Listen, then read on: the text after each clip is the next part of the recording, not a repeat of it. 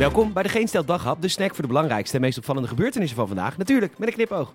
Leuk dat je luistert. Met vandaag nieuwe lobbyregels wel erg streng, Nieuw-Zeelandse tovenaar ontslagen en Hollywood-stakingen op komst. Mijn naam is Peter Bouwman en dit is het nieuws van vrijdag 15 oktober, de dag van de Great Reset.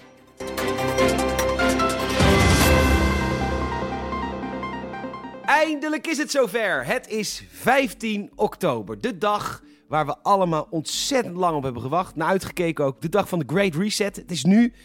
En ik heb eh, mijn huis versierd met slingers, mijn 5G-chip zit veilig in de arm.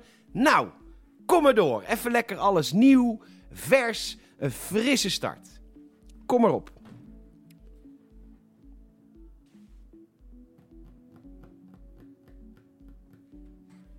Nou.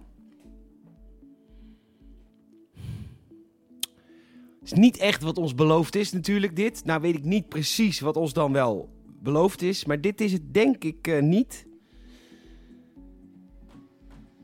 Ik ga weer koffie zetten. Oei, oei, oei. Ja, het is, uh, het is Brussel al lang een doorn in het oog. Laat staan de burgers. Het gebrek aan regels in Nederland met betrekking tot lobbyen. Oud-bewindspersonen lobbyen er in Nederland gerust op los. En er zijn nieuwe regels in de maak om dat in te perken. Het demissionaire kabinet moet er vandaag over buigen, al dus de Telegraaf.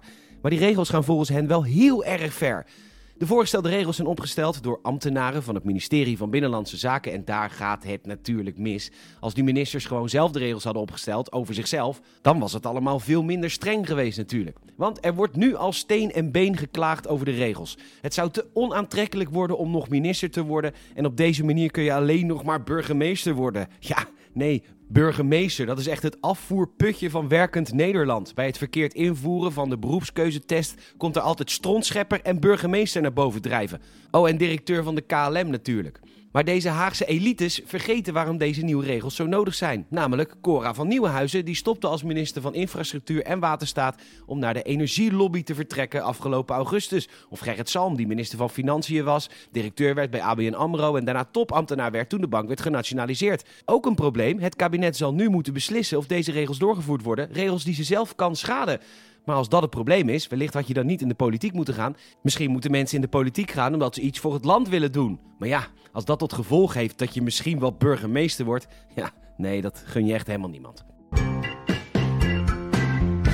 Het contract van de officiële tovenaar van Nieuw-Zeeland wordt niet verlengd. Hij was 23 jaar lang in dienst van de staat en later van de stad Christchurch. Hij kreeg 10.000 euro per jaar voor zijn diensten. En die diensten waren, zo vat het AD samen, regendansen, spreuken, zegeningen, vloeken en andere bovennatuurlijke zaken die buiten de bevoegdheid vallen van de ministers. En nu is hij boos omdat hij ontslagen is. Ze vinden hem te oud en te saai, zegt hij. En ze mogen hem niet omdat het saaie oude bureaucraten zijn. Nou ja, je hebt 23 jaar lang salaris gekregen voor liegen en bedriegen. Wellicht je zegeningen tellen. En je kan natuurlijk altijd nog solliciteren als bloedzuiger in Den Haag. Kunnen ze er altijd meer van gebruiken. Weet je nog? Het was verschrikkelijk. In 2007 gingen de scriptschrijvers van Hollywood staken en dat hebben we geweten. Kutseizoenen van Lost en 24. CSI werd nog onuitstaanbaarder en acteur Daniel Craig werd zelfs gevraagd om maar mee te schrijven aan zijn James Bond film. En het resultaat was Quantum of Solace pure stront. Die film is een direct seconde op seconde vervolg van Casino Royale. Hoe kan het zo zijn dat James Bond opeens een ander pak aan heeft van een ander merk en andere schoenen? Heeft hij die dan in die Aston Martin verwisseld of zo? What the fuck? Nou, dit soort dingen dreigen weer te kunnen gebeuren. En Scheidende medewerkers doen hun beklag bij The Guardian. Vanwege COVID-protocollen is het werk veel zwaarder geworden. Afstand houden, testen, mondmaskers en dus willen ze meer geld zien. En wie is straks weer de dupe? Wij, onschuldige Netflix-abonnees die vol verlangen aan het wachten zijn op nieuwe seizoenen Stranger Things, The Umbrella Academy, The Crown. Even een paar uurtjes ontspannen op de bank, maar daar hoor je de stakers niet over. Die beginnen weer over 14-urige werkdagen, 7 dagen in de week, geen ziekteverlof. Egoïsten. Bedankt voor het luisteren en je zou ons enorm helpen als je een vriend of vriendin vertelt over deze podcast. Je kan ons volgen via Vriend van de Show en Spotify.